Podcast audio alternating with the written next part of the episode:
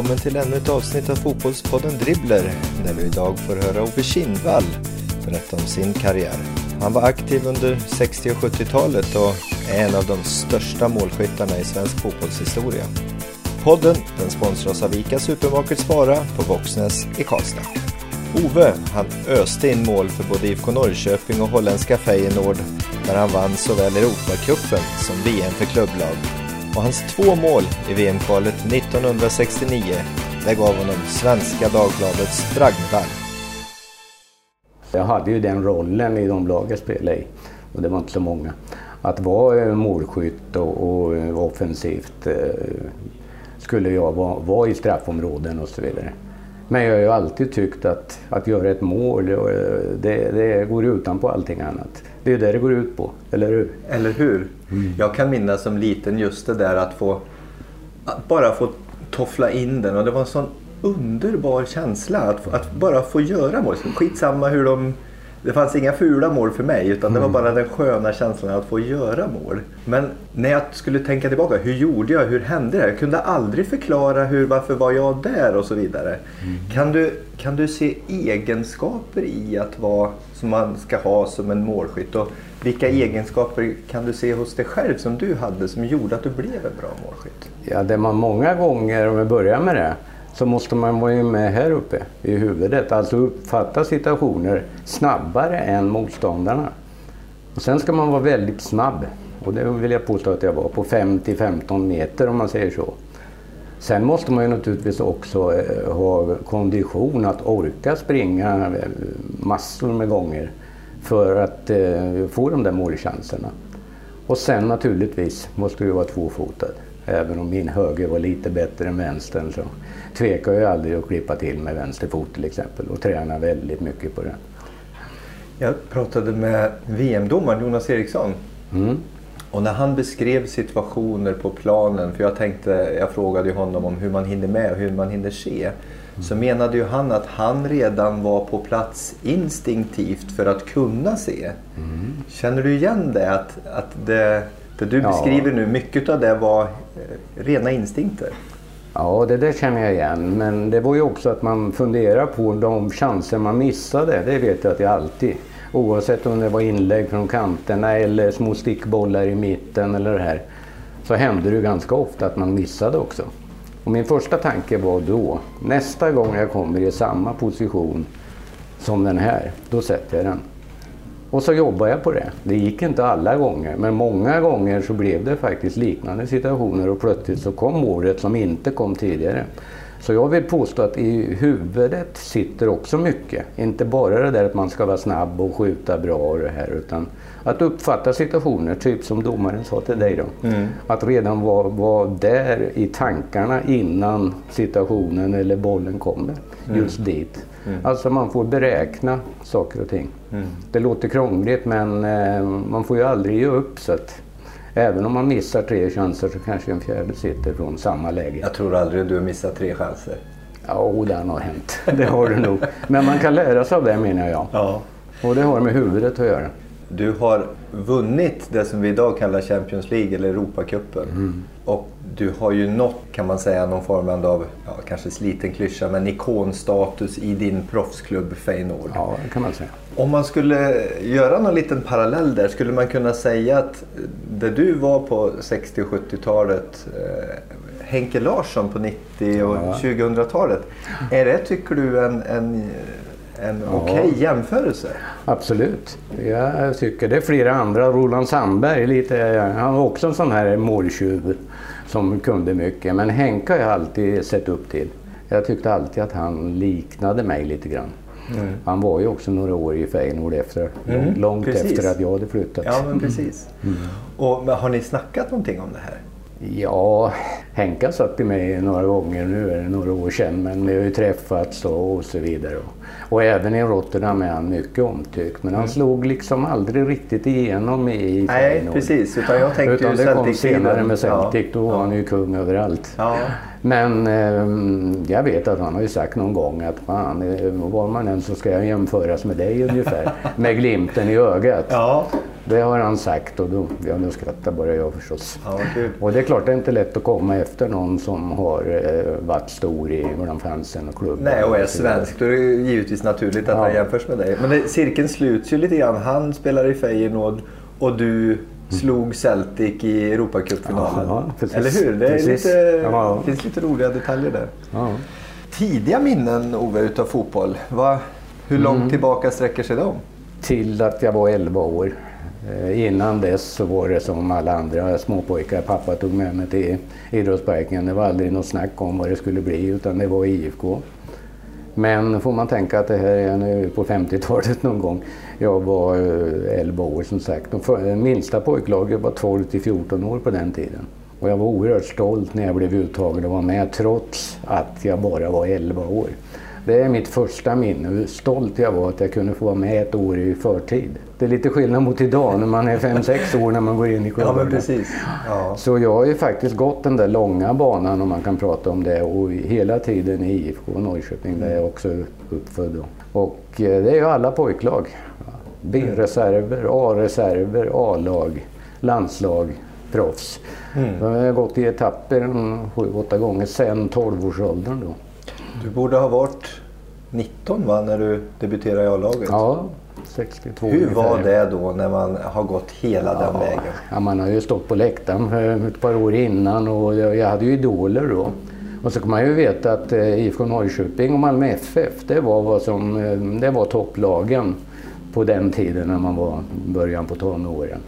Och man gick ju och såg allting där och det var ju, det var ju ett storlag. Jag menar, det var ju halva landslaget var ju IFK Norrköping Ja. i princip. Ja. Fyra, fem spelare. Och blivande Och sen förbundskaptenen var väl Ja. tränare, var väl Åby va? Ja, precis. Så att få komma upp där som eh, ja, nybliven tonåring och börja träna med A-laget, det var ju det var en dröm från början. Hur togs man emot då som ung på den Ja, hur tiden? bra som helst. Och de här riktigt stora som då var landslagsgubbar. Samora Nyholm, Bergdolf Johansson, Julle Gustafsson, eh, Harry Bild, Örjan Martinsson, för att nämna några. Och få komma in bland dem där och de var otroligt eh, trevliga. Det var inga vanliga, såna här- van, inga sådana Inga grejer. dumheter. Vanliga människor. Ja. Och de tog hand om en fast man var ny och, och så vidare. Så jag, jag trivdes ju redan från början. Hur var det att komma in där? Och liksom, för det var ju samtidigt dina idoler. Gick det och, var du en sån som tog för sig direkt? nej, nej, nej, liksom? nej. Tvärtom. Ja. Jag vill nog påstå att jag var lite blyg och jag sa inte mycket men man togs upp i kretsen där men det är klart att de var ju ett antal år äldre och hade framgångar i både klubb och landslag. Så jag såg ju upp till dem. Mm.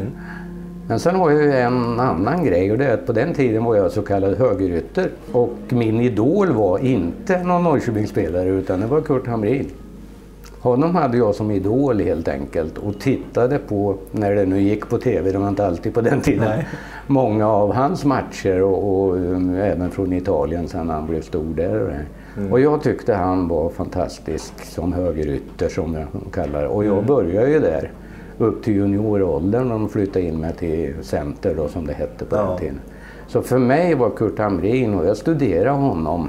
Åkte till och med och tittade på honom när han inte var i Norrköping eller Stockholm. Innan han flyttade till Italien. Och det här.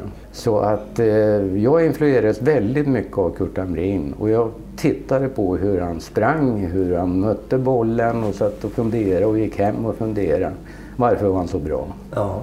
Och, det här kan Och försökte ta med i ditt eget Ja, spel visst. då? Mm. Mot Tyskland till exempel när han gör det här idiotmålet. Fantastiska Då mål. tänkte jag det där ska jag göra någon gång också. Men det var inte så lätt. Nej, nej, så det, har nog inte slagit hans mål där. Var det att du växte till dig som gjorde att du flyttade in i mitten eller var det för att du hade sådana målgöraregenskaper som gjorde att du hamnade i mitten sen? Nej, Jag tyckte nog hela tiden att jag ville ligga eh, längst fram för att, för att ha närmaste motståndarmålet. Och som ytter var det ju inte riktigt så. så att, och varför man gjorde det, jag vet faktiskt inte. Men, men det är klart, jag fick ju Harry Bild och Örjan Martinsson som indrar sa man på den tiden. Och, så, och sen Örjan hade ju spelat center, Örjan Martinsson. Både i IFK Norrköping och i landslaget. Men då flyttade man på honom eftersom han var väldigt duktig, vilket inte jag är på samma sätt, på att fördela bollar och det här. Så för mig var det ju drömmen att Du blir flyttar. mottagare av Ja. de fina bollarna. Och han var nog inte så glad över det, för han var ju typisk center. Men han blev alltså vänsterinner. Ja. Och så hade jag Harry Bill och så var jag längst fram. Ja. Och det kunde inte vara bättre. Så de låg ju mycket bakom eh, i början när jag spelade center. Och det var ju min uppgift att ligga där uppe. Ja. Och så fick de sköta spelet. Men när man hade det här med, med center och två inrar och två yttrar. Hur fördelades då det defensiva ansvaret? Hur skulle man, vilka hade vilket slags ansvar i ett lag då? Harry Bill var ju två efter mig framåt. Ja. Och Örjan Martinsson var trea, men han var ingen mittfältare. Nähä. Utan vi spelade ju med fem man i... Det låter väl som en dröm för många Ja, idag. det låter underbart. Vi körde ju med fem anfallare. Ja. Yttrar, inrar och så jag då, som Ja. center. Det gjorde man på den tiden och det var ju mera offensivt lagt och, och för kontringar och det. Men sen hade vi ju duktiga mittfältare som sprang enormt mycket också. Då var man tvungen att ha lungor om man skulle spela. Ja, Ja. och även försvarare så att eh, nej, det var en bra avvägning på Ja. den tiden. Skönt att spela forward i ett sånt system, eller hur? Absolut. Hade du jobb då direkt eh, när du debuterade i A-laget? Jobbade ja, nej. Jag, gick väl sista året eller något. av tog jag. du? Mm. Och det var i den, då spelade jag i A-laget. Så jag gick fortfarande i skolan då, för första matcherna i alla fall, vad jag kommer ihåg nu. Men sen var det ju jobb. Och det var ju också via kontakter man fick vissa jobb. Jag har väl alltid velat ha något eh, ordentligt jobb också. Jag har inte spelat fotboll i hela sitt liv. Och det var mycket anledningar till att jag så småningom efter fem år i Holland tyckte att nu får det räcka. Nu vill jag hem och jobba och vara en vanlig människa. Så resonerade vi. Men på den, den eh, tiden i början där, var det mer att ha ett jobb för att få lite pengar? Där, eh, va- kunde, man, kunde man ha en, en yrkeskarriär samtidigt som en gryende fotbollskarriär? Det låter väl svårt? Nej, det är svårt. Det är riktigt svårt. Utan jag hade ju via kontakter också via fotbollen kunde man tacka för att man blev placerad på företag som var lite ja, Vänligt IF, sinnade. ja, precis mot IFK. Så att det gick ju att kombinera. Man fick ju lite ledigt, lite extra så att säga för att, inte, Ja. ja. för att kunna träna ordentligt Ja. och spela matcher och det där. Så att, och det hade jag tur med de företag jag jobbade för och, och trivdes. Mm. För jag koncentrerade mig på då att, att försöka eh, utbilda mig med, inom företaget samtidigt som de var snälla med Ja. lite ledighet då. Så det var ändå lite viktigt med den civila delen också? Ja, oh ja. Mm. Oh ja, det har jag tyckt hela livet. Hur, hur ofta tränar ni? Jag är hemma här i Norrköping, Norrköping. eh, med A-laget, vad ska vi säga, tre gånger, tre, möjligen fyra gånger i veckan. Kvällstid oftast. Eftersom de flesta, de var ju inga proffs på den tiden. Nej. Så att eh, tre, fyra gånger i veckan kvällstid och sen match. Men i Holland tränar jag ju minst en gång om dagen. Vissa dagar två gånger som proffs då. Mm. Då har man ju inget annat, det är lite skillnad. Nej, precis. Nej. Då man hade ju bara det att ägna sig åt och jag älskar det. Ja. Då kunde man koncentrera sig på att träna ordentligt och ofta och vila ofta och det här. Det saknar man ju här hemma när man hade jobbet att gå till Ja, efter men träning och före träning. Så det för mig passade det här proffslivet inom citationstecken väldigt bra i Holland. Ja, ja. Att som 20-åring eh, gå och vinna SM-guld med omgiven av sina idoler. Vad, vad har du för minnen kring det? 1963? Ja, jag- först är jag sur för jag inte fick någon medalj, medalj 62. Jag spelade i alla fall fem eller sex sista matcherna, 62 då. Ja. Men på den tiden så hade de ju bara 12 medaljer, eller om det var 11 eller 13 eller vad det var. Så jag hamnade utanför där. Ja. Jag hade för få matcher. Och, men jag var ju med om att spela hem guldet. Jag spelade Ja. de fem, sex sista matcherna 62. Då vann vi ju guld. Ja. Så jag var lite sur där att kunde de inte ha gjort ett par plaketter till då så jag också hade fått en då. Men det fick jag inte. Men däremot vann vi ju 63. Och då spelade jag alla matcher och då började det lossna riktigt. Och då blev, kom ju glädjen som jag var lite småbesviken på året innan. Då. Så att det är den enda guldmedalj jag har i A-lags. Men, men då har du eh, som 20-åring i Mm. ett lag med den statusen spelat varje match. Ja, det gjorde jag. 63, ja. Det är en ganska snabb utveckling. Mm, det är det. Nej, men då var jag inne i det hela och då hade jag ju provat på det och även träningsmässigt och allt det här och hur det fungerar. Och, och som sagt, vi nämnde Åby Eriksson tidigare. Vi hade ju väldigt fina tränare och ledare i klubben. Det, det var alltid... Ja, de lyssnade på oss spelare och såg till att vi hade det så bra som möjligt. Mm. Det är viktigt. Mm. Jag träffade Kenta Olsson mm. Eh, från Hammarby eh, när det begav sig. Eh, han hade en bestämd åsikt om, om Åby, att han, han gillade inte stockholmare. Det var väldigt få stockholmare i landslaget sa han. Ja. Kenta fick ju bara spela en, en landskamp.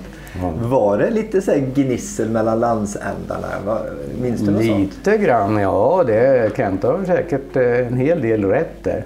Jag tror inte att han hatade allt från Stockholm, det tror jag inte. Men som jag sa tidigare, det var ju mest Malmö och Norrköping. Där var det lite fight emellan. Men att Åby skulle vara emot Stockholmslagen, ja det är möjligt för Åby var ju lite speciell. Han var ju väldigt, ja det var ju bara Norrköping som gällde då för ja. honom. Ja. Och då kunde han komma med lite, det var lite sådär som förbundskapten att man hellre valde någon från, det kan Kent ha rätt i. Jag har ju en bra historia att under alla de där åren när jag började i, jag också spelade juniorlandslag och B-landslag och så vidare utöver Norrköping.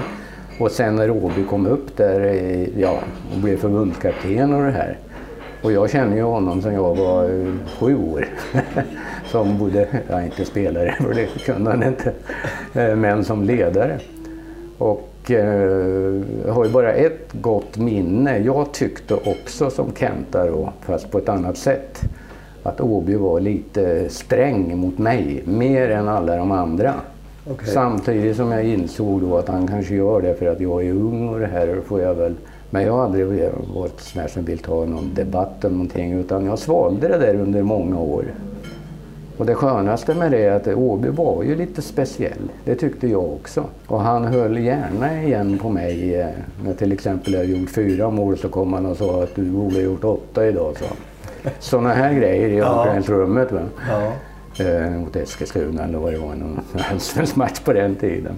Men det fina var sen att när jag så småningom då skrev på för Feyenoord då, då kom Åby och, sa, och kramade mig och sa att eh, Ove, jag gärna velat hylla dig tidigare, jag vet det, men det var för ditt eget bästa. Och, men jag är jätteglad för dig och idag kan jag tala om vilken stor spelare du har varit. Så. Ja, okay. Det var fina ord. Ja, verkligen. Strax innan jag flyttade till Holland. Så ja.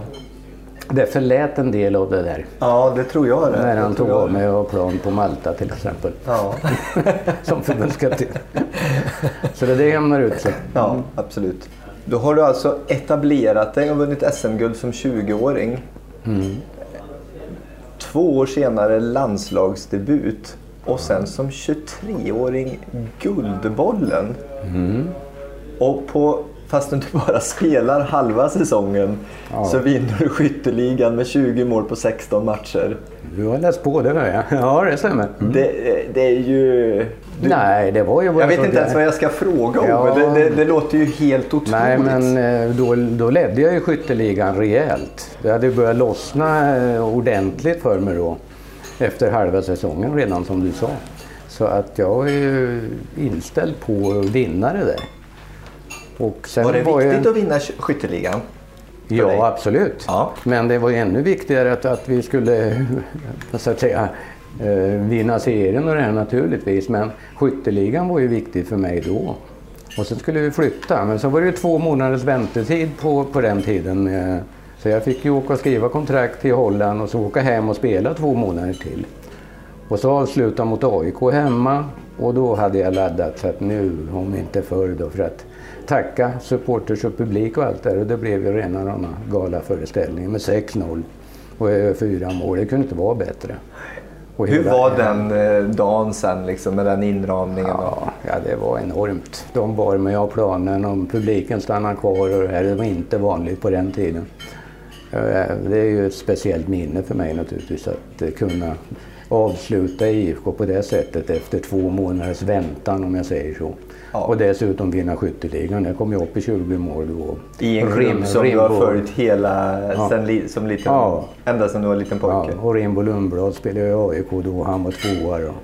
Men han gjorde nästan inga fler mål sen eh, de sex Nej. sista matcherna. Var det glädjetårar? Ja, det var det faktiskt. Mm. Speciellt när eh, spelarna kommer och bär mig ut. Och... Sigge Andersson, ordföranden, tog mikrofon, gick ut mitt på plan och alla stannade och, ja, och sjöng. I princip. Det, det är ju bästa minnet jag har från Norrköpingstiden. Ja, det måste vara ett svårslaget minne. Ja, det är det faktiskt. Mm. Och att vinna Guldbollen då?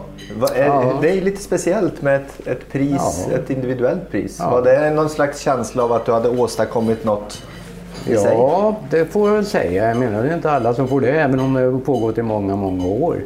Men att få en utmärkelse att man har gjort någonting riktigt, riktigt bra, eller bäst då. Mm. Det, det, är naturligt, det betyder naturligtvis väldigt mycket. Man har ju sina mål att, eh, att nå i olika etapper beroende mm. på när i livet det är. Vart står eh, Guldbollen idag? Den står i ett skåp hemma, en sån här, nej, glasfönster ja.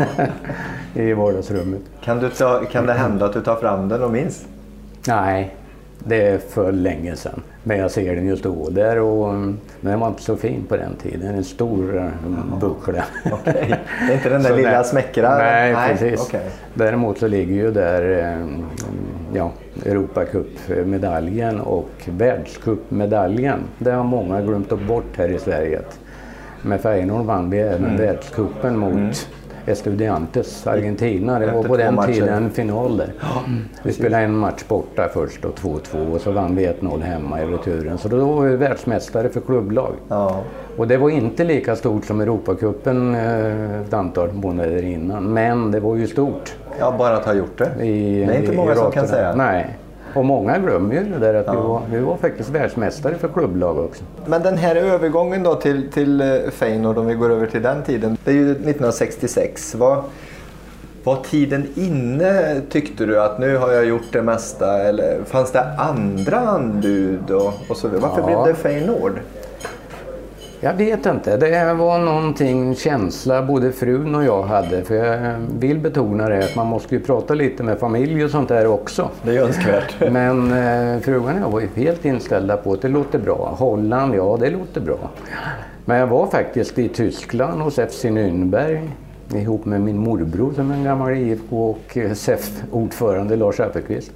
Han var min så kallade agent på den tiden. Vi var bland annat i FC Nürnberg som då hade vunnit eh, Bundesliga något år innan.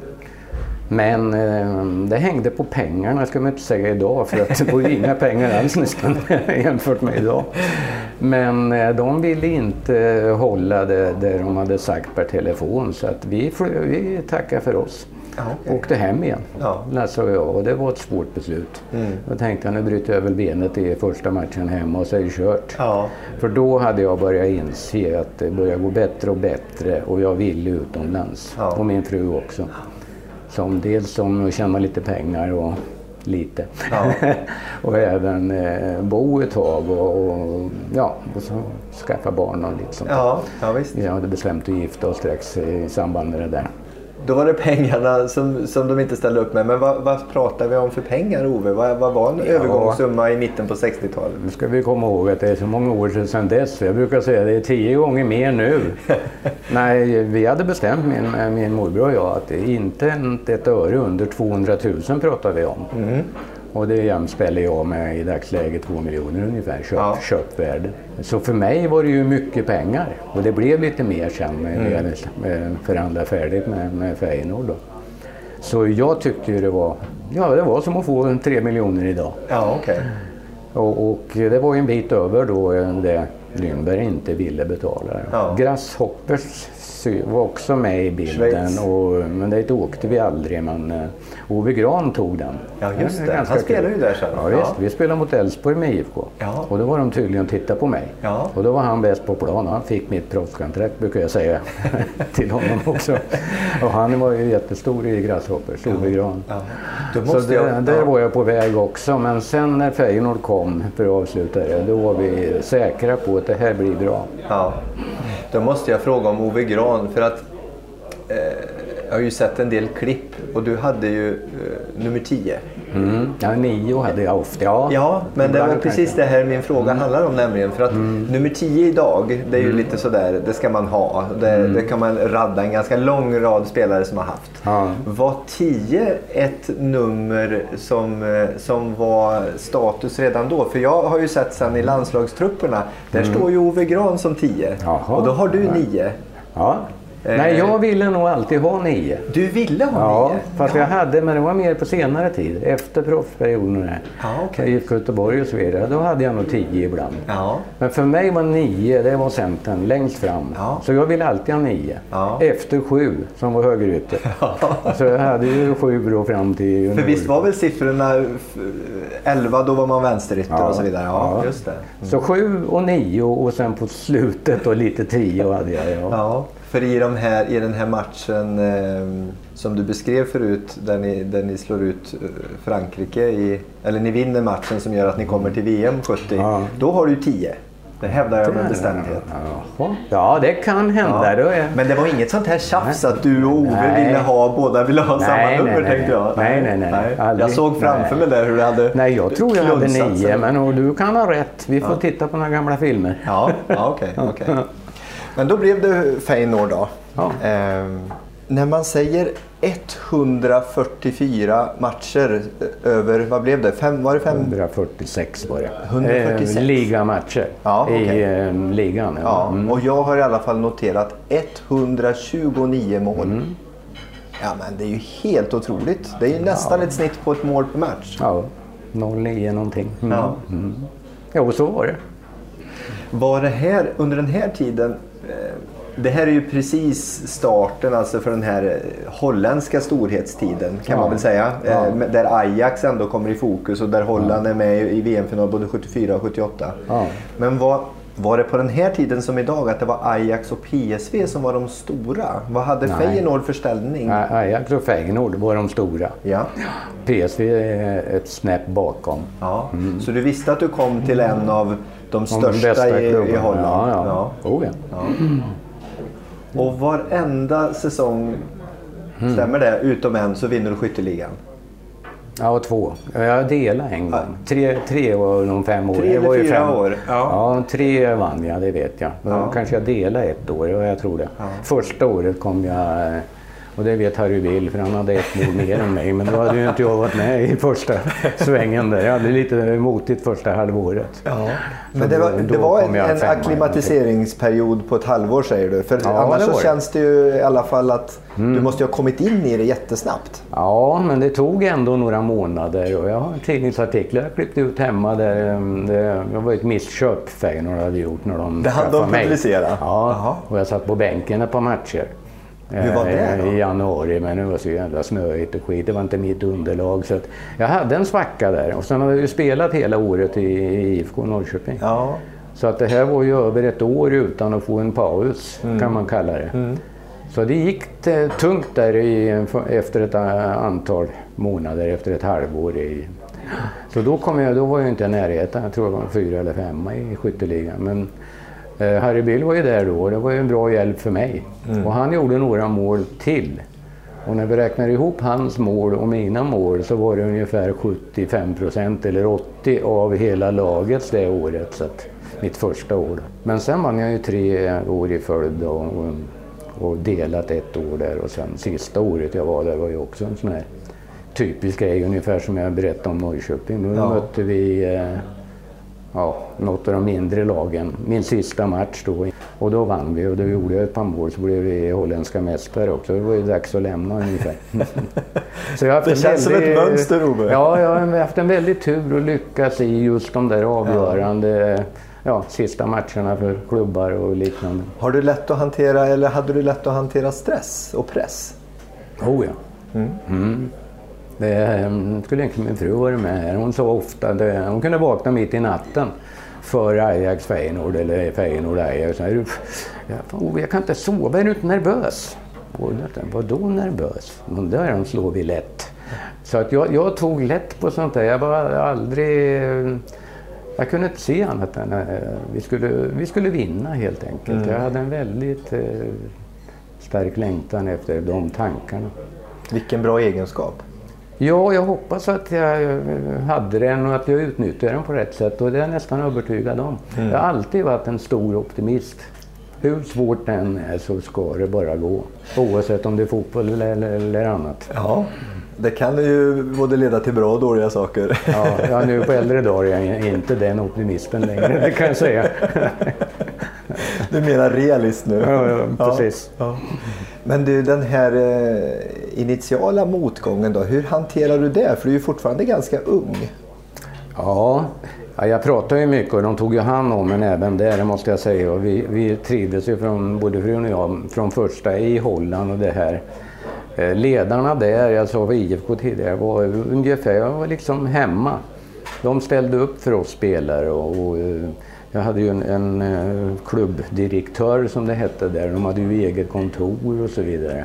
Och de tog ju in och pratade med en om sådana här saker, alltså socialt och är det någonting du saknar eller den sociala biten, det var de väldigt bra på så det, gjorde ju att man trivdes från början. Och att det liksom finns en trivsel eh, för alla som kommer ja. med familj eller med ja. fru och så vidare. För det måste ju vara viktigt för ja, hur man presterar absolut. på plan. Det sociala är viktigt.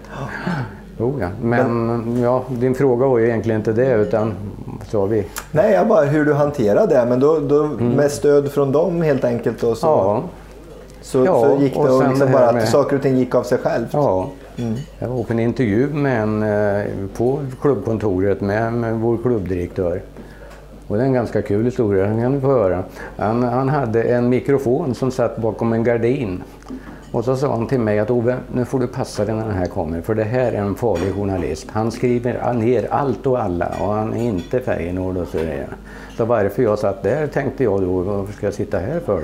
Ja, han kommer fråga dig om hur misslyckad du är och det var då det gick som sämst då. Och då tänkte jag bara att det här med optimism, ja, han får säga vad han vill men så jag sa bland annat till honom att du får skriva vad du vill och jag är besviken och jag får inte ut vad jag kan här men vänta bara, det kommer. Sa jag till honom, journalisten, men han skrev ju bara skit. Ja. Att jag var bara där för att tjäna pengar. Fick du möjlighet att, att konfrontera honom sen eller? Ja, han fick eh, faktiskt sluta ett par månader efter det här men det var stora rubriker när de skrev ner mig fullständigt. Men ja. då växte jag nästan och tänkte att ska fasen i mig få se, börjar det bli lite hyggligt väder igen. Lite bränsle där. Ja. ja. Men hur var det med språket? För jag, jag tycker ju att för mig holländska är ju jätteroligt. Jag vet att flera stycken, Stefan Pettersson bland annat, har ju pratat om Holland som ett jättebra land att komma till. Sen tycker mm. ju kanske inte, alla har ju inte haft positiva erfarenheter men som språk betraktat, mm. det låter ju precis som svenska fast man förstår inte ett ord. Ja. Var, det lätt, var det lätt att komma in i språket? Mm, nej, det var det egentligen inte. Men eh, det var ju någonting man funderade på direkt. Jag avskydde de här första eh, gångerna man satt i omklädningsrummet och de andra spelarna och man hade blivit välkommen och så var man med ett tag. Jag förstod ju inte ett ord de sa till varandra. Det kändes hur dumt som helst. Mm. Så jag tänkte det första jag ska göra nu förutom fotboll, jag hade ju gott om tid. Mm. Så jag gick lite grann eh, och studerade lite med, med ja, folk som, som Feyenoord kände. Han är bra, den kan du prata med och det här. Och, eh, och det gjorde jag, jag la ner väldigt mycket. Frugan och jag såg på TV varenda kväll. Och vi valde engelska firmer till exempel. Mm. För då stod det ju holländsk text hela tiden. Ja. Och så satt vi och det var många kvällar vad fasen betyder det där då? Och sen började vi diskutera och till slut så kom det mer och mer. Mm. Och jag vill påstå att det tog någonstans mellan tre, fyra månader. Då kunde man prata riktigt, riktigt bra. Okej, men det är ju Inte ganska snabbt. In, ja, det var snabbt. Men då la jag också ner en hel del tid på det. Mm. Och även frugan så småningom tog lite längre för henne naturligtvis. Mm. Eh, kunde bra holländska efter ett halvår. Men ett par tre månader där i början var ju då det gick som sämst också. Ja, men det kanske också är, det är ingen konstigt att det är en, en, anledning till att det inte går så bra. Att man, mm. Nej, man, man är inte med i gänget riktigt. riktigt. Man fattar inte riktigt vad de nej, sa. Nej. Mm. Det är ju bra om man gör. Ja, det. men med tanke på, på ställningen i klubben efter de här åren och, och eh, jag antar att du har varit tillbaka många gånger så holländskan är fortfarande ett språk som Ja, du... jag pratar flytande vill jag påstå, Ja. som svenska. Ja, Kanske inte med jättefint uttal men ändå. Ja. Och jag förstår ju allting nu så att, eh, det är någon enstaka gång det kan vara något. Men, eh, och jag satte en ära i att behålla det där som min bästa kompis sedan den tiden och det är många år sedan. Vi har fortfarande kontakt både på telefon och vi åker till varandra ibland. Klubben bjuder in mig och frugan en gång varje år. Om vi vill komma ner och vara med på en eh, års, eh, ja, i början på året. Så de är fantastiska på det och efter 40 år, det är, det är enormt egentligen. Ja. Vi har varit där en 10, 15, kanske 20 gånger på de här 40 åren. ja otroligt. Frugan och jag, bjudna av klubben. Ja. Det är fint. Man, man vårdar sina... Ja, det kan man Sina storspelare. säga. Ja, då. Mycket bättre än vad jag är van vid. Eller? Ja. Och tittar man på meritlistan Ove så det fortsätter ju att se bra ut. Holländsk mästare 69 och 71. Och sen den här Europacupen för mästarlag. Ja, det är det största på klubbnivå som jag Ja, har det är ju varit med om. Champions League idag. Ja, precis. Feyenoord Celtic. Ja. Och Celtic var ju då, bra då. De hade vunnit två år innan tror jag det var. Ja. Och ni hade väl slagit ut, var det Milan? Vi slog ut Milan i andra omgången ja. Ja. Mm. Stryk 1-0 borta och så vann vi 2-0 hemma så det var ju lagom. Och du gjorde trean målen. Nej, inte- mot Milan. Nu var det ett tror jag. Men hur, hur minns du eh, den här finalen? För det var ju, alltså det är ju, det är ju verkligen Buster med, med förlängning Ja, och du ja. Eh, avgör Ja. med några minuter Ja, kvar. finns egentligen Vilka minnen finns kvar? Eh, Matchen gick ju, ja, det var ju 1-1, det gick ju till övertid till och med. Och då tänkte jag att nu jäklar, eh, ungefär. Nu ska jag köra fullständigt slut på dem. Då. Det är klart, alla var trötta. Jag också. Så att, eh, och så kom det där tillfället då, där det, ja, en lång boll från vården, en frispark som gick över deras backar och han tog med hand till och med. Han var totalt slut vad han nu hette, en stor rackare, eh, skotte. Han tog med hand bland annat. Det där såg jag bara liksom i... Ja, så sprang jag i alla fall igenom bollen studsade och det var ju när han tog den med handen och alla trodde att eh, domaren skulle blåsa straff då. Men det tänkte inte jag på för att jag hade, såg att målvakten var på väg ut. Och så studsade bollen, nej ett av ärmen här ja, när han gjorde det här. Och så en studs då, som var jag tvungen att ta med tån över målvakten när hon kom. Och det var ju alltså centimeter att han hade tagit den där. Så gick den in i första ja, kryss, kan man nästan säga. Och då var det ju... Den, den frågan har jag fått tusen vad, vad hände med dig egentligen? Och det enda jag kommer ihåg var att det var tyst. Eller i alla fall i mitt huvud. Alltså man kan ju tänka sig de blir hårda som bara den och det gjorde de nog. Ja. Men för mig var det, nej men det gick ju, eh, hur jag ska tänka, det var totalt still här. Det var innan Då de bubblade. de, sen bar de upp till halva plan, det var bara tre minuter kvar. Ja, ja. Så det var fantastiskt. Så det, det är det största som har hänt mig på klubbnivå. Det är det. Var det det skönaste målet du har gjort? Det finns ju ett Nej, mål ett år... nej, inte skönaste men viktigaste. Ja, Nej, okej. skönaste mål det har varit några sådana där idiotkrysset och in och så. Ja, okej. Det har hänt. Men det är väl skönare att kunna dunka dit den i krysset eller i en ribba. Ja, men att ribban tvåa in den i förlängningen Ja. i en, Europacupfinal, Ja. den skulle jag ta Ja, vilken dag som efteråt har jag tänkt så här, där kunde jag gått var som helst men Ja. den går in och över målvakten då. Det, Ja. nej, det var eh, med tån ja, stortån. Det funkar det med. Jag var ju tvungen att göra någonting. Jag visste, visste att han skulle komma ut och ta den annars. Ja. På den här tiden då, 1970, hur stort var det här och hur var mottagandet när ni kom hem? Ja, det är det största jag varit med om i livet faktiskt. Det började med innan matchen så var det ju 25 000 tror man. Det var inte fullt på San Siro i Milano. 25 000 holländare och kanske 10, eh, hälften eh, skottar. Så när vi sen eh, skulle åka hem och det här och hade vi ju bucklan med oss. Att vår lagkapten Israel och jag vi stod fram hos piloterna i stort sett hela, hela vägen från, det var inte så många timmar.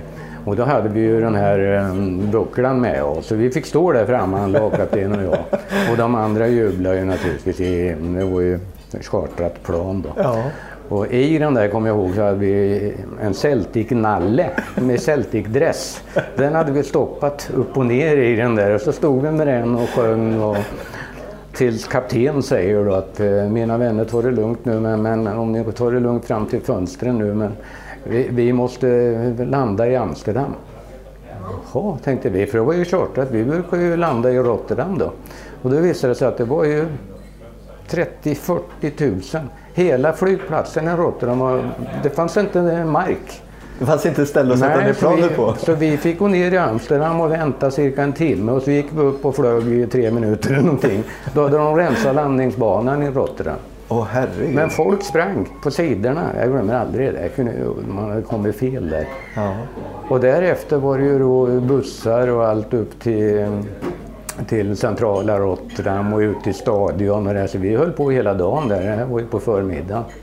Och då var det ju kaos på, på vägen också. De kom ju inte fram med bussar och... och så vår buss tog väl två timmar in till centrum och normalt går på tio minuter. Alla var på sina fötter på balkonger, huvud, överallt. Fullt med folk. Som svar på min fråga om det här betydde något för folk. Ja, nej, precis. Det är ju det är så roligt att få, få vara med och ge folket support med det här minnet. ja. Och det här glömmer de ju aldrig i Holland. Det händer ju än idag att 90-årsgubbar kommer fram och vad roligt att träffa dig och det här. Och det, är, ju- det är ju speciellt. Det, är ju. ja. Vad häftigt. Det vart inte sömn på ett par dagar där då misstänker jag. Nej. det kan man lugnt säga. Hela den dagen och, och natten därpå, då var det ju fest. Ja. Det var det. Mm. Ja. Jag tror vi var lediga från träning dagen efter. Ni fick det? Ja, jag tror det. det var ju schysst. Ja. Nej, det var naturligtvis fantastiskt. Så har jag bilder på det här som man inte tror är samma. Ja. Och sen var du ju inne på att det ledde ju till en, en världsfinal sen också. Ja. Ja, det var ju så att um, sydamerikanska mästarna, och det var den här var det Brasilien. Mm. För det är ju fortfarande idag Ja. att, att man kör en sån match. Ja, mot Europacupvinnarna Ja. eller som idag Champions League. Då. Så vi eh, skulle spela mot Estudiantes då i eh, Buenos Aires. Så vi åkte först dit och det, det var lite ruggigt för det var, ja, de kastade bland annat in eh, mynt och annat på oss från ja, deras supporters. Var, vi låg under med 2-0 efter åtta minuter. Oj. Ja, normalt sett hade våra målvakt, som var reserv, han hade tagit båda två hörner som gick nästan direkt i mål. Så då låg vi illa till. Men sen gjorde vi en jättematch och frågan är om jag, jag har tänkt på det själv. Jag, jag tror jag gjorde min kanske bästa match i den bortamatchen. För vi gick fram till 2-1 när jag spelade fram en och så gjorde jag 2-2. Så det blev 2-2 till slut. Men det såg illa ut. Ja. Sen hemma hade vi lite tur att en av våra inhoppare gjorde 1-0 då, så då var vi världsmästare också. Det Hur var stort fight. var det då, då på den tiden? Ja, det var inte lika stort som Europacupen, det var det inte. Utan det glömts bort lite därefter också. Men det var ju... Jag menar, vad kan man bli mer i klubblag än världsmästare? Det finns inget annat. Nej. Enligt det här upplägget. Nej. Och det var man ju stolt över naturligtvis. Och ja, klubben såklart. framför allt. då. Och vi spelarna. Ja. Blev det stora gratifikationer? Hällde de, Ja, hällde de det pengar blev över er på den tiden också? Ja, eller? ja nej, det var mest grejer och, Ja. lite, och pengar var det lite grann också. Vi fick extra, extra premie och sådär. Ja. Några tusenlappar. Men ehm, ja, det var ju mycket eh, butiker och det här. Ja. Jag brukar tänka på frugan. Hon fick en sån här, eh, vad heter det, eh, frisyr. Inte frisyren utan, vad heter det, de har löshår. ja, peruk. Peruk. Ja. ja de, det var en av grejerna. Alla fruarna fick gå till stan och prova ut en peruk. Ja. Vad, ty, vad tycker du? sa hon. Du ser för jäklig ut, sa jag. Ja, men jag vill ha en ett tag i alla fall. Så. Och så fick vi kylskåp och så fick vi det och så fick vi hur mycket som helst. Okej. Ja. Tv-apparater. Alltså, de bara, ja, sponsorerna Kasta kom, saker. kom in och hämtade nästan. Ja. Och att gå ut och äta på restaurang, då var, det, då var Oj. notan klar. Ja, då, det kan man lugnt säga. Ja. Nej, det var fantastiskt skoj. Och minnen man har. Men jag har ju Mm. levt på det här i många, många år. Och fortfarande är ju, om jag inte vore så svensk som jag är, så skulle vi gärna, och det var nära också, att vi hade stannat i Holland. Mm. Vi trivdes så fantastiskt bra. Vad var det som gjorde att ni... eh, du stannade en säsong till. Vad Mm. var det som gjorde att ni åkte hem sen. Var det aldrig aktuellt att kanske testa någon, något annat land? Ja, precis. Så? Vi bestämde oss redan i november, december någonting. Alltså ett halvår innan, eftersom det slutade i juni, mitt kontrakt. Mm. Att vi skulle flytta hem. Men då vill vi gärna, ja, för pengarna, bygga ett hus och så vidare. Så vi fick åka hem på påsken. I mars eller vad det var på den tiden. Och då hade ju IFK varit på och så vidare om och vi skulle bygga ett hus och där. Och ja, då, vi hade inte den hemlängtan men då kände vi i alla fall en viss hemlängtan. Mm. Och sen hade vi fått två barn under de här åren också. De, de var ju så små så i och för sig.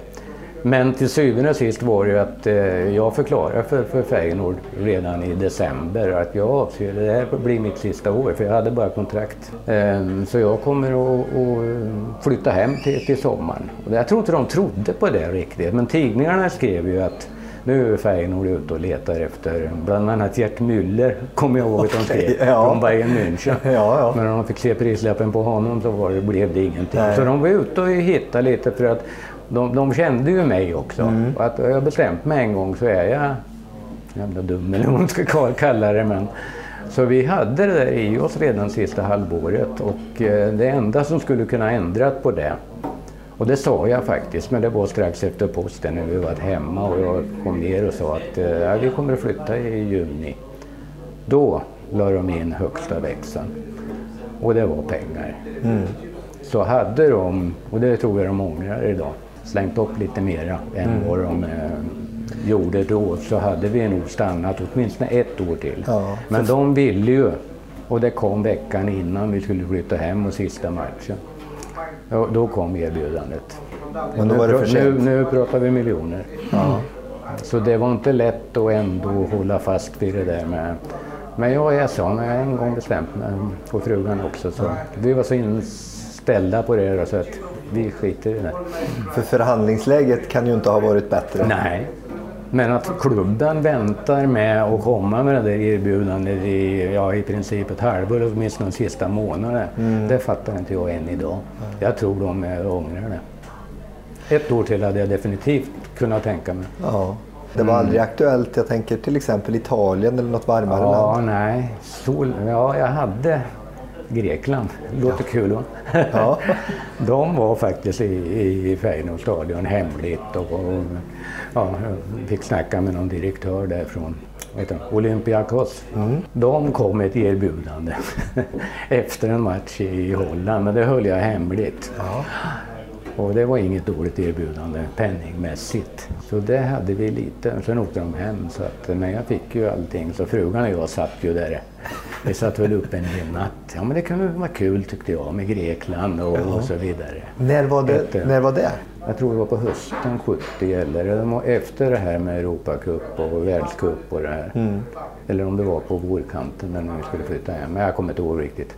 Men det var ett bra erbjudande även penningmässigt. Men hon var för feg. Nej, man vet aldrig hur det där är. Nej. Hade du hemlängtan? Lite, ja. Jag saknar lite av det jag kallar idag det lugna livet här i Norrköping. Eh, samtidigt som det börjar bli lite väl hektiskt i, att vara utomlands. Det kanske är svårt att förklara det där men eh, vi kände väl en viss hemlängtan, ja. Mm. 28 år gammal ändå. Det är ju inte, mm. Du är ju inte lastgammal nej, i det läget. Nej, så det finns ju utrymme för ett, ja. ett, ett, långt kontrakt till. Visst. Men det var nog till en del, eller 50 procent, så var det väl lite hemlängtan också. Mm. Men under den här perioden, eh, slutet 60, början på 70, eh, din riktiga liksom, storhetstid om man säger som, som fotbollsspelare. Mm. Eh, tittar man bakåt där, landslaget. Mm. Det har ju inte, du nämnde ju Kurre Hamrin förut, det har ju inte mm. varit någon, någon glansperiod för landslaget. Det är lite grann som det var på 80-talet mm. eh, också. Det var nära men inte riktigt ända fram. Ja, precis. Eh, när ni kvalar till VM 70 mm. och du, du, du avgör ju matchen först med en jättesnygg straff och sen en, en kanon upp i nättaket. Ja. Eh, du får bragdguldet. Ja. Då ja. måste det ju vara viktigt. Ja, alltså, vilket, och allt det här sker ju inom en väldigt kort tid. Ja, det gör det. Hur skulle du ställa de här händelserna mot varandra? Ja, det med bragdguldet var ju naturligtvis, jag menar det, mm, det var två fotbollsspelare som då hade fått det tidigare. Och jag hade ju läst i tidningarna hemma, att, men jag trodde inte att jag var med i någon sorts slutdiskussion ens en gång. Så jag kommer ihåg att, och det, jag tror det var när vi skulle spela mot Milan borta där. När det var innan. Så vi kom ett eh, telefax till hotellet där vi bodde i Como med Feyenoord. Ifrån Orvar Bergmark som då och spelarna. Grattis Ove, du vann bragdguldet. Jag tänkte, vad fasen är det här nu? Jag var ju så mycket inne då på Milan och det här. Så, att, så det kommer jag ihåg och jag tänkte att ja, men första tankarna jag hade var faktiskt, ja men det här, kan det vara sant? Jag tycker ju att fotboll är ett lagspel och vad ska de andra säga nu? Och även om det var jag som gjorde mål. Så tänkte jag mm. faktiskt. Mm. Men sen ju mer och sen började ju journalister och ringa och det här och, och så vidare. Och när ska du ta emot det här och det. Och då förstod jag hur, stort det var helt enkelt. Och när man sen läste listan på vilka som hade fått det, det är klart att man var... Man ska vara tvekande till om det två mål mot Frankrike var så stort, det måste jag säga. Ja men det måste det ju ha varit. Ja. Alltså det, det är ju, som ja. jag sa, det är ju svårt att förstå men det här måste ju ha varit i en tid ja. då svenska folket suktade efter ett fotbolls-VM. Ja. Sen 58-VM. Ja, visst, mm. precis. Ja, det var ju det som var. Att folk ja. blev ju så glada och jag menar man kan bidra till det. Det är den största ja. känslan. Det är ungefär samma känsla som för morden man gör om man ser att folk är ja, ja. på att säga, som i Sydamerika ungefär på läktaren. Ja, ja. Och det var i Holland ibland och det är fantastiskt. Det var också väldigt roligt måste jag säga Ove att se din glädje efter det här 2-0 målet för att Jaha. du har någon slags segergest som jag kan, det enda jag tänkte, tänker på det, det är Basil Fawlty, om du, John Cleese i, i Fawlty Towers, Pang i bygget. När han, är, när han springer omkring och håller sig för huvudet och studsar omkring. Du, det, det, var så otroligt spontant. Ja, visst. Minns du det? Ja, det absolut. Det är bara jag menar, glädjen och vrålen och det. Nej, vad jag kommer ihåg, jag gick ju nästan ner på knä ja, och så precis. gjorde den här. Ja, studsande. Ja, för att jag förstod ju då att nu är det klart. Ja. Och sen visste jag ju ja. redan då, även om jag inte tänkte på det, att det här kommer de ju klaga på straffen och, och så vidare. Alltså att det var filmat av mig och, och det här. Ja, ja. Det, var, det förstod man att det skulle komma sen. Och det hade inte varit så roligt att gå av plan och vinna med straffmålet. Och det var också bidragande till att när jag satte 2-0 och en riktig kanon var det också. Det känns det bra. Ja. Då, då, liksom, då, då lossnar ju allting. Ja. Men hade inte det där skett och vi hade vunnit med 1-0 så hade vi också varit vidare. Men, ja. men därför så var det här 2-0, det var, ja, det var nästan slutsignalen. Nu är vi i VM igen, så kändes det. Och folk var ju tokiga på läktarna. Du har verkligen haft en förmåga att göra de där ja, viktiga... jag har haft den där turen mm. Mm. i viktiga matcher. Mm. Och förmågan. Ja, jag ger mig inte. Nej, det är rätt. Två VM-slutspel blev det.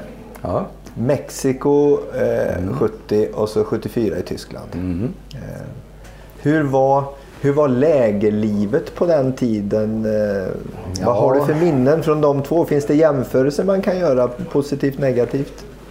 Ja, Mexiko var inte bra. Eh, förläggningen, vi bodde ju högst av alla på, ja vad det nu var, 1700 eller 1900 eller vad det var i något gammalt pensionärshem. Det, och då påstod förbundet att vi hade ett annat hotell. Men vi bodde alltså högst upp.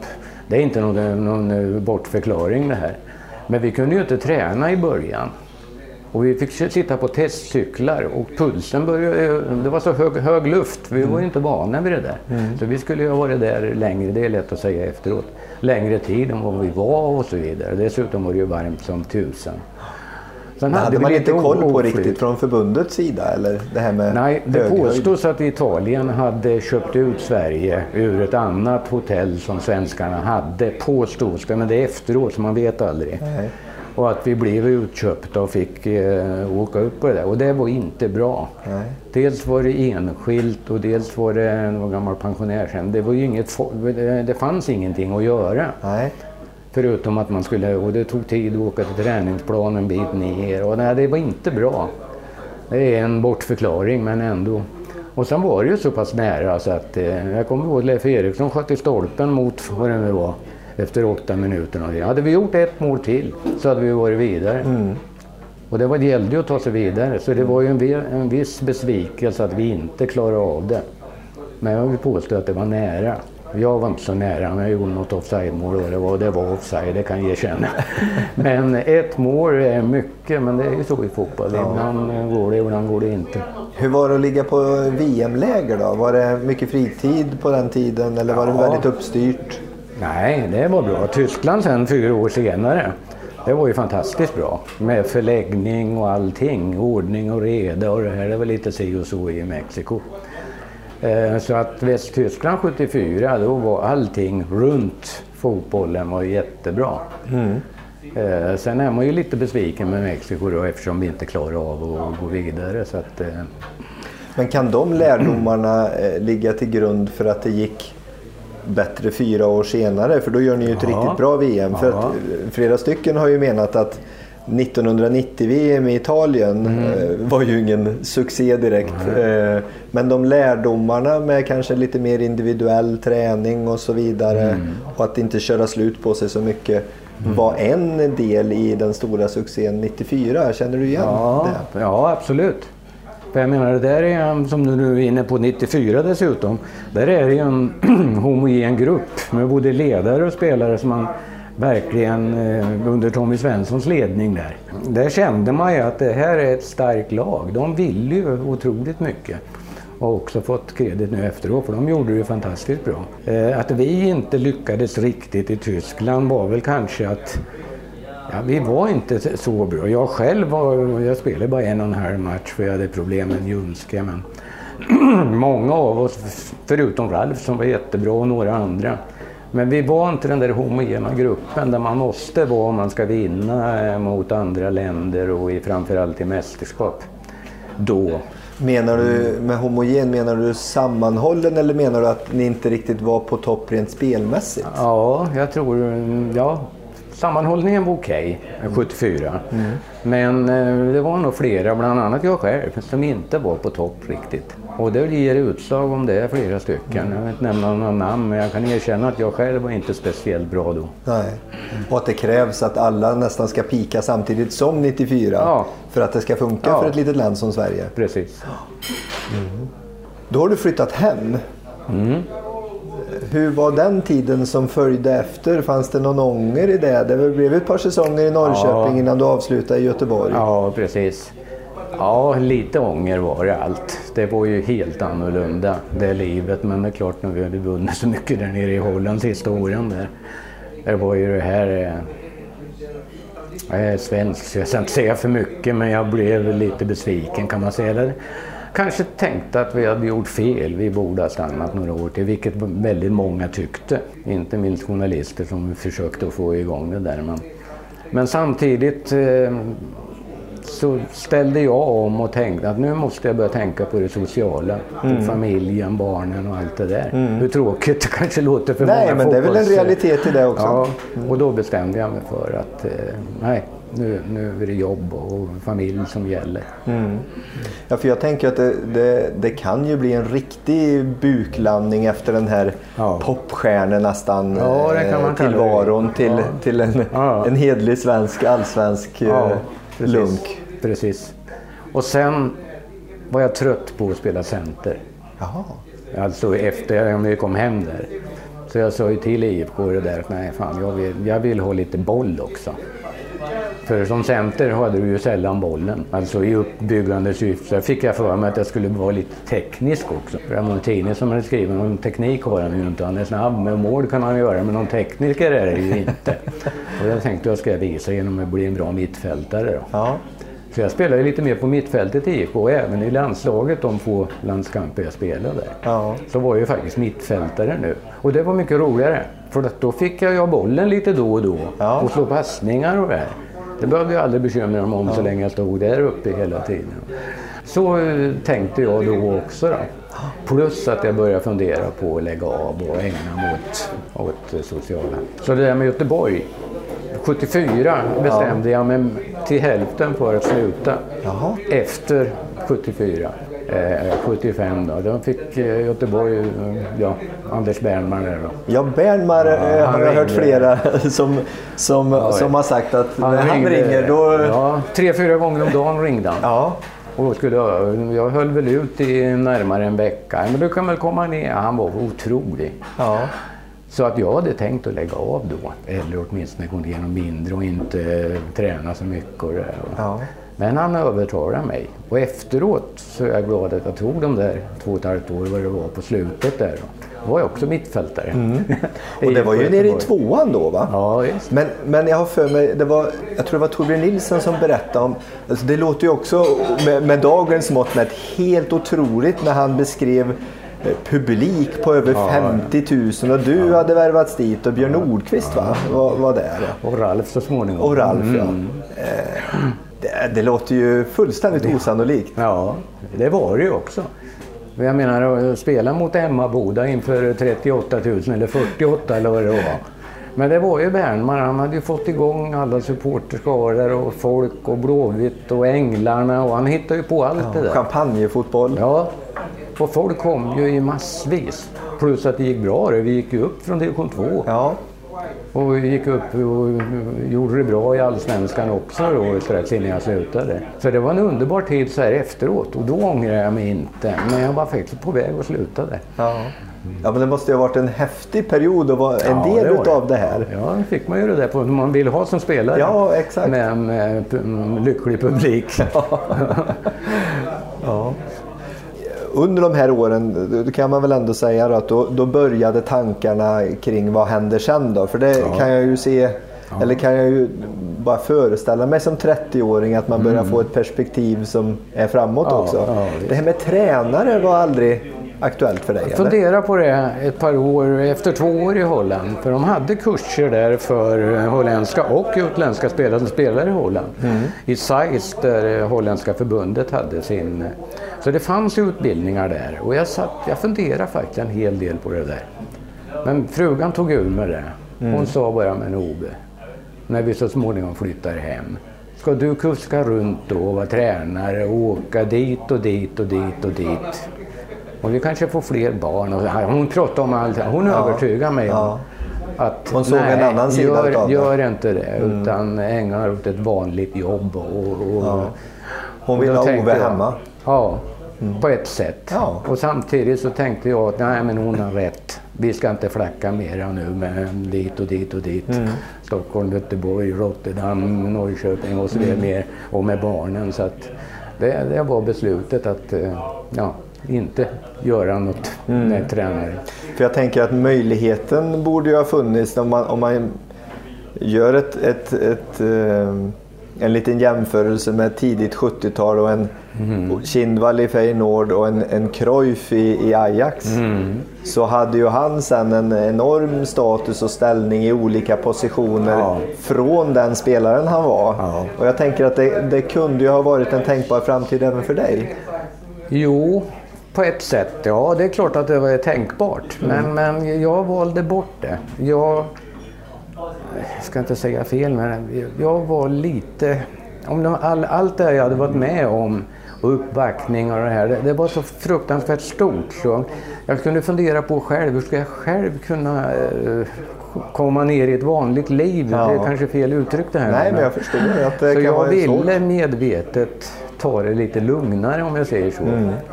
Eh, och framförallt när jag bestämmer för att nu är det snart dags att lägga skorna på hyllan. Mm. Och då resonerar jag så att jag kommer inte kunna släppa det här. Utan jag vill jobba med någonting som är idrottsrelaterat. Helst fotbollsrelaterat. Mm. Och det var ju på den tiden jag, jag jobbade i Göteborg bland annat för Adidas då. Svenska Adidas.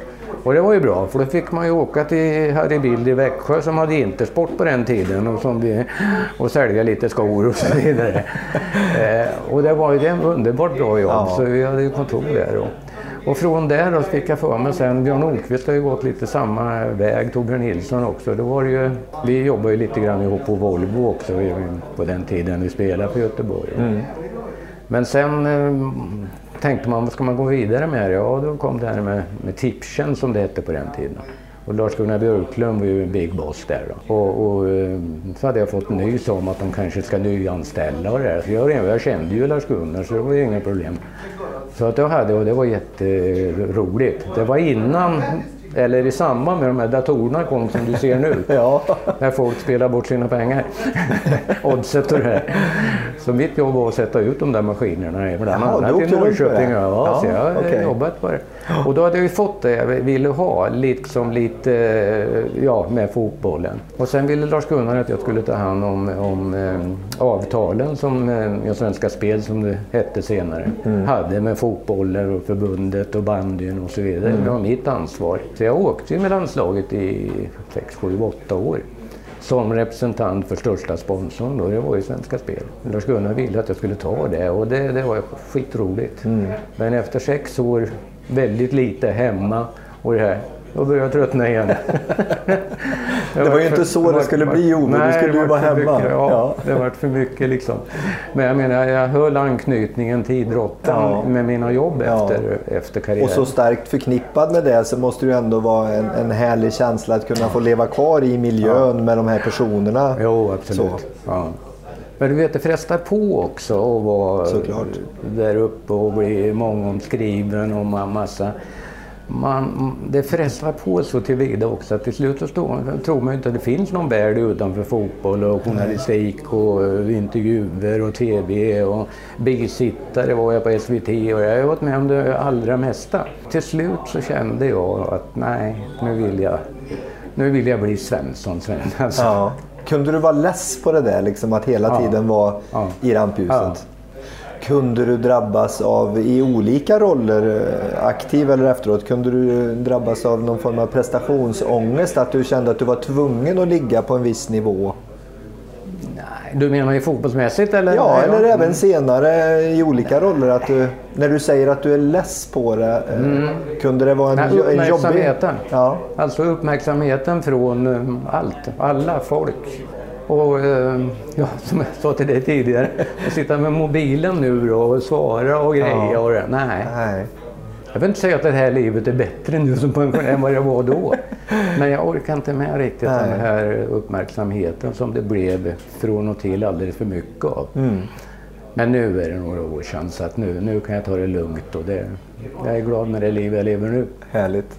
Du var inne på det här med bisittarjobbet. Mm. Det är ju faktiskt eh, lite häftigt för att mm. du spelade ju 70 och 74. Eh, men du är ju med 78 ja. så tillvida att du sitter med och, som bisittare. Ja. Och, och, här är ju frågan om, om det kan vara så att du är den första bisittaren. Ja, en av dem är jag. Mm. Sen om man kallar det för bisittare ja, eller expert eller, ja, vad, nu vad man nu vill kalla det. Men jag var nog, ja kanske den första. Det var väl kanske någon mer men... Eh. Hur gick det till när ni började snacka om att man kanske inte ska sitta själv och sådär? Ja, jag kommer inte ihåg exakt hur det gick till men jag fick erbjudandet helt enkelt. Och vi, vi pratade om Arne Hägerfors och, och jag kände ju många av dem där från mitt tidigare liv, om jag säger så, journalister och andra. Och de här eh, kommentatorerna i Sveriges Television och det här. Va? TV3 bildades ju på den tiden. Jag vet så att jag åkte till London eh, varje lördag eller vad det var och kommenterade för dem ihop med någon. Va? Och Bengt Grive och Arne och, och, alla de här.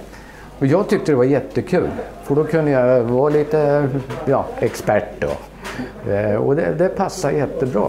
Dessutom fick jag resa lite eh, som jag var van vid från mm. tidigare och det, det var utvecklande. Mm. Men till slut kan det bli för mycket av det också efter ett antal år. Va? Så då... Hur länge höll du på med det? Ja, med TV3 var väl två säsonger någonting. Sen var det SVT och jag kommer inte ihåg, fem, sex, sju år, någonting sånt mm. vill jag tippa. Den här relationen spelare och, och eh, journalist på den tiden. Mm. Eh, Arne eh, hade jag ju en fantastisk sittning med och, och fick ja. höra alla hans historier. Och, hur, hur var det? För, för det låter ju som att eh, för honom och säkert då för andra, då kom man och gick och, och var jättenära er spelare. Ja, det var de. Eh, på ett annat sätt än idag. Idag är det så mycket större. Idag är det konferenser och eh, tv-kameror. Och alltså det, de som idag spelar i landslag och större klubblag, de är ju vana vid det där. På den tiden var det ju inte så utan man hade ju Vissa journalister tycker man bättre om och de pratar man mer med än med de som man kanske tyckte det kan... Hur ska jag förklara det? Det, kan det är helt annorlunda än, än nu. Alltså, ja. Man var ju kompis med de här journalisterna. Och de kan jag tänka mig, och även de som pratar i tv och radio. Även de tyckte ju då att man eh, tillfogade eh, som expert och bisittare att man kunde eh, se det lite annorlunda mm. än själva reporten eller... Men kunde ni ha ett privat umgänge också du och vissa ja, journalister? Oh ja. Mm. Vi umgicks rätt mycket, framförallt Arne Hägerfors. Och det var flera till där som man träffade. Mm. Mm. Men det var, då måste det ju i det läget vara en väldigt tydlig överenskommelse om vad som, vad som är privat och vad som ja. sen kommer att sägas ja, i TV och så vidare. Oh, ja. Kunde oh, inte det bli lite, lite svårt ibland? Jag tänkte aldrig på det faktiskt. Jag försökte ju gå in när jag tyckte jag hade något att säga. Idag är den journalistiken eller TV tycker jag. Mm. Alldeles för mycket. Alltså dels är det fler experter och sen är det alltid eh, för mycket eh, tjafs om saker och ting.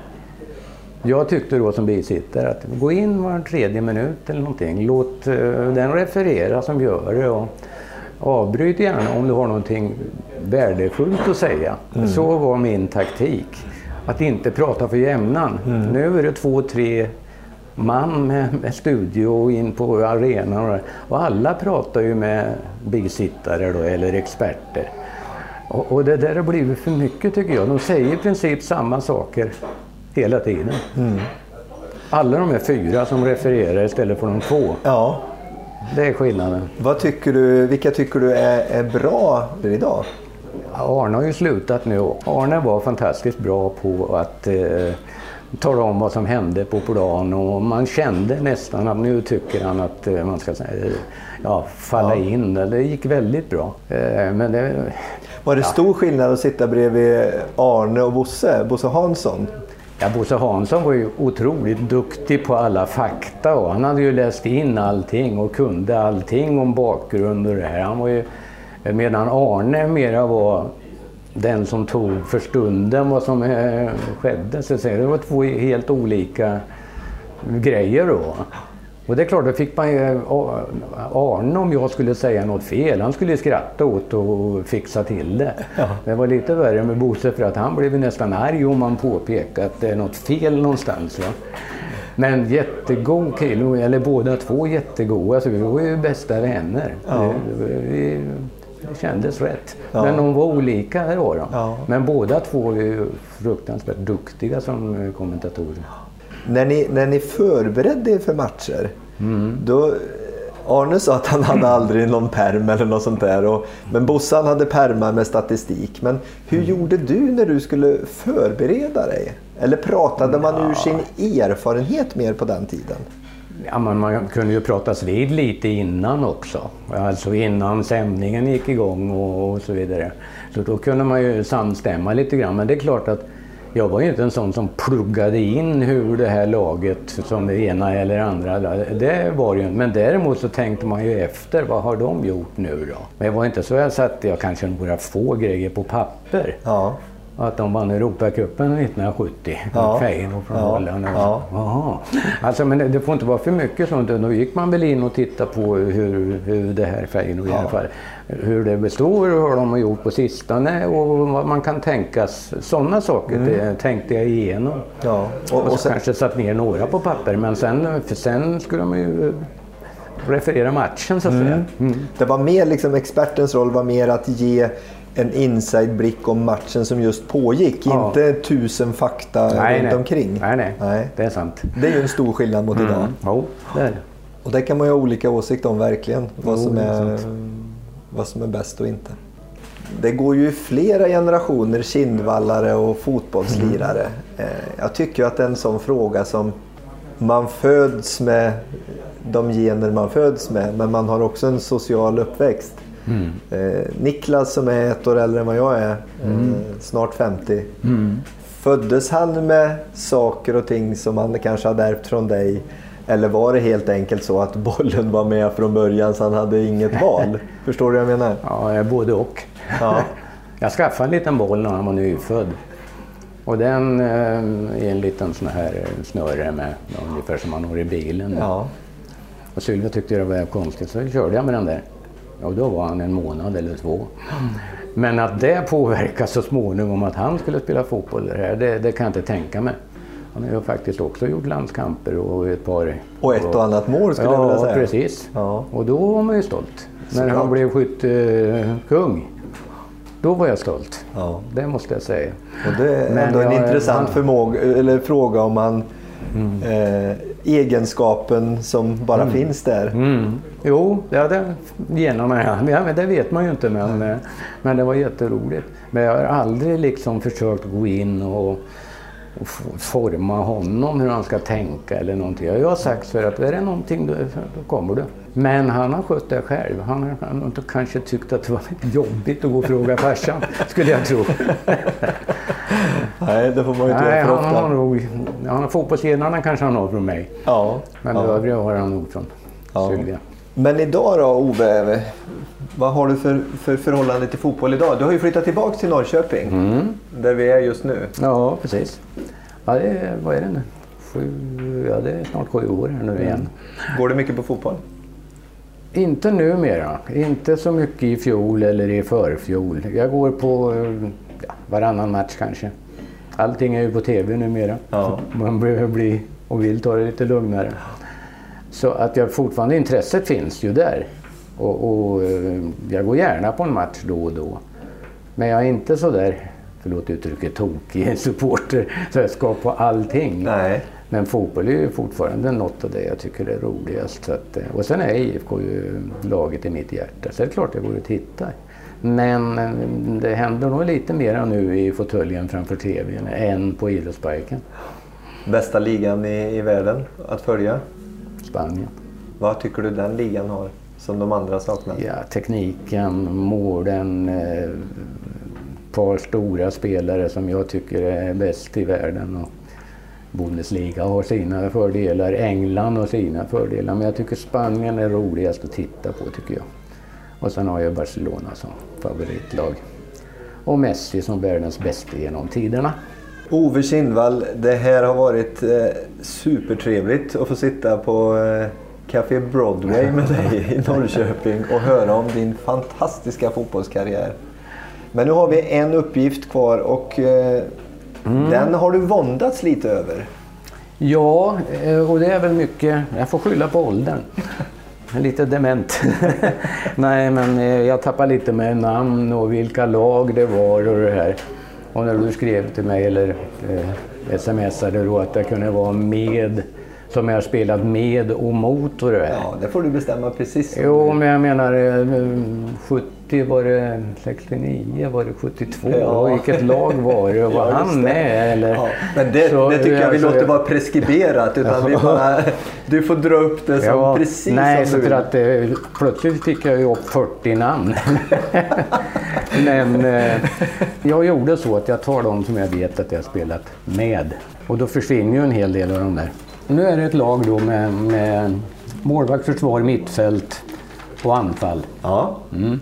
Och det är bara med spelare som jag har spelat med i någon klubb eller landslag och det här. Det ska bli intressant. Eh, Det är inte riktigt klart men eh, målvakt för mig eh, som jag spelar med det är Ronny Hellström. Utan tvivel. Jag tycker han är den bästa målvakten vi har haft i Sverige. Men de på senare år möjligen kan konkurrera men var en fantastisk målvakt under den tid jag spelade. Sen har jag tagit ett par försvarare, en från Norrköping och en från Feyenoord. Vi hade en lagkapten som hette Rinus Israel, mittback. Stark som en björn. Han var en av våra absolut största spelare. Han slog för övrigt frisparken som jag gjorde avgörande målet i Europacupen på, från egen planhalva. Han kunde spela mycket långa bollar också. Björn Nordqvist är för mig fortfarande en mittback som eh, ja, under den tiden, och det är den jag pratar om nu, alltså under min tid. Ja. Alltså mellan 62 och 77 kommer man säga när jag spelar. Ja. Jag tycker fortfarande Björn Nordqvist är där. Vad var det som gjorde, tycker du, vad var, vad var Björn Nordqvists storhet? Han hade den där långa tån. Alltså han hade alltid en tå över när de hade brutit igenom så Plötsligt så kom han antingen med en sliding eller något. Han petade bort bollen och så växte han med uppgiften. Alltid när det var svårare matcher där, då blev han bara bättre och bättre. Plus en fantastisk eh, människa fysiskt sett och där. Jag har hört nu eh, att han tränar fortfarande nere i Göteborg. Varje lördag med de gamla polarna och det där. Så dit längtar jag också faktiskt. Wow. Jag har ju bott där ett antal år också. Eh, Björn Andersson. Ja, mm. Bayern München. Ja. Mm. Jag tycker han var en, en, eh, på den tiden, modern back. Mm. det är de väl idag också. Men, men. Sen har jag lite svårt med vänsterback. Men jag säger Roland Grip. Ja. Som var med på den tiden när jag spelade i landslaget. Och det, mm. en kille som alltid växte med uppgiften. Det spelar ingen roll om han spelar mot Garinch eller inte så tog han ner honom. Lite överdrift nu. Men han, han växte alltid, precis som Björn Nordqvist. Så det får bli de försvararna. På mittfältet har jag en given. Det är Bosse Larsson i Malmö FF. Utan tvivel. Eh, Staffan Tapper också är med i bilden där tycker jag. Men sen hade vi Feyenoord Wim van Hanegem och det är en av, de bästa, en av de bästa spelare jag har spelat med. Fruktansvärt stark och en vänsterfot. Det var ingen som kunde ta bollen av en. Han var fruktansvärt bra. Så Bosse Larsson och den här Wim van Hanegem. Sen hade vi en eh, som också var tränare i Sälde, Wim Jansen på i Feyenoord. Ihop med van Hanegem. Han var otrolig också. Han kunde springa mer än någon annan och sådana bör man ha i laget också. Sen har jag lite problem med en mittfältare till, men jag kommer till mer, mer namn här.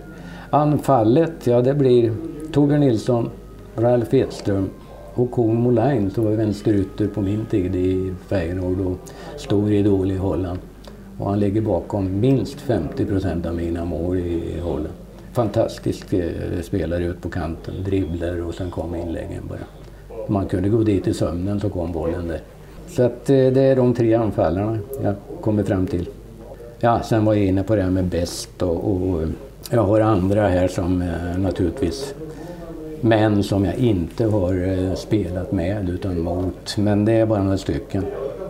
Vilka får hedersomnämnanden i Kindvalls drömelva? Vasovic, en back från Ajax, en jugoslav, som jag ofta spelar mot. Fantastisk människa och mittback. Eh, Neiskens Ajax på mittfältet med eh, kanonskottet och det här. Ja. Ajax hade ju ett kanonlag på den här tiden när jag var i Feyenoord. Beckenbauer jag spelade mot på, gamla, på eh, Ullevi faktiskt, i en landskamp. Varken med eller emot, men det har jag sagt. Ja, Kurt Hamrin har jag tagit med det. Ja, sen kom jag inte längre. Mm. Det fattas någon här och där, men eh, i stort är det där min elva. Och Cruyff då? För ni måste ja, ju ha Cruyff, ja. tampats en del. Cruyff var ju lite, ja det var ju honom jag oftast tampades med i toppen av skytteligan också. Och sen Ajax vann ju faktiskt Europacupen två gånger om. Två år efter oss som tur var. Så vi var ju första holländska och det var viktigt för våra supporters. Så Ajax var ju ett kanonteam då och då var ju han som styrde och ställde allting. Och sen han själv slutade, han gick ju till Barcelona sen och var dominerande där också. Det är nog eh, jämte de här man alltid pratar om, Pelé och så vidare. Johan Cruyff för mig var en av de absolut bästa eh, centrarna om vi säger så. Det är då från den tiden. Och sen var det han som byggde upp en del av Barcelona som jag älskar nu. Mm. För ett antal år sedan. Vi var faktiskt med Feyenoord i Barcelona också och spelade efter att vi vunnit den där världscupen. Så då fick man spela på Camp Nou också. Mm. Och sen eh, var han tränare under en tid där och sen var han eh, rådgivare till, han bor ju fortfarande kvar nere i, i Spanien. Mm. Och när han var tränare så, så kände han ju igen mig. Så jag fick vara med om en träning han höll i där.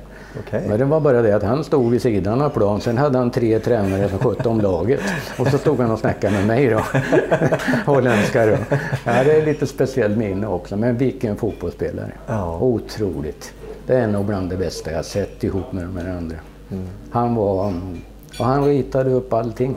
Han ligger bakom mycket av det här, total fotboll från Ajax och hur Barcelona sen skulle med ungdomar och allt det där. Han är med i det där. fortfarande. Men jag han vann aldrig skytteligan, det gjorde du Ove. Ja, ja kanske man. Nej, det gjorde han inte. De hade en van Dijk. Nej, jag tror inte han vann skytteligan. Inte under de åren jag var där. fall. Det var en riktigt skön nostalgisk träff med Ove Kindvall på Café Broadway i Norrköping. Tack för stödet säger jag till Lika Supermocket Spara på Våxnäs i Karlstad. På dribbler.se kan du snart höra mer från Claes Wallman och hans tankar om att bygga ett lag i butiken. Den 3 april då kan du höra Teddy Lucic berätta om sin karriär på Fotbollspodden Dribbler.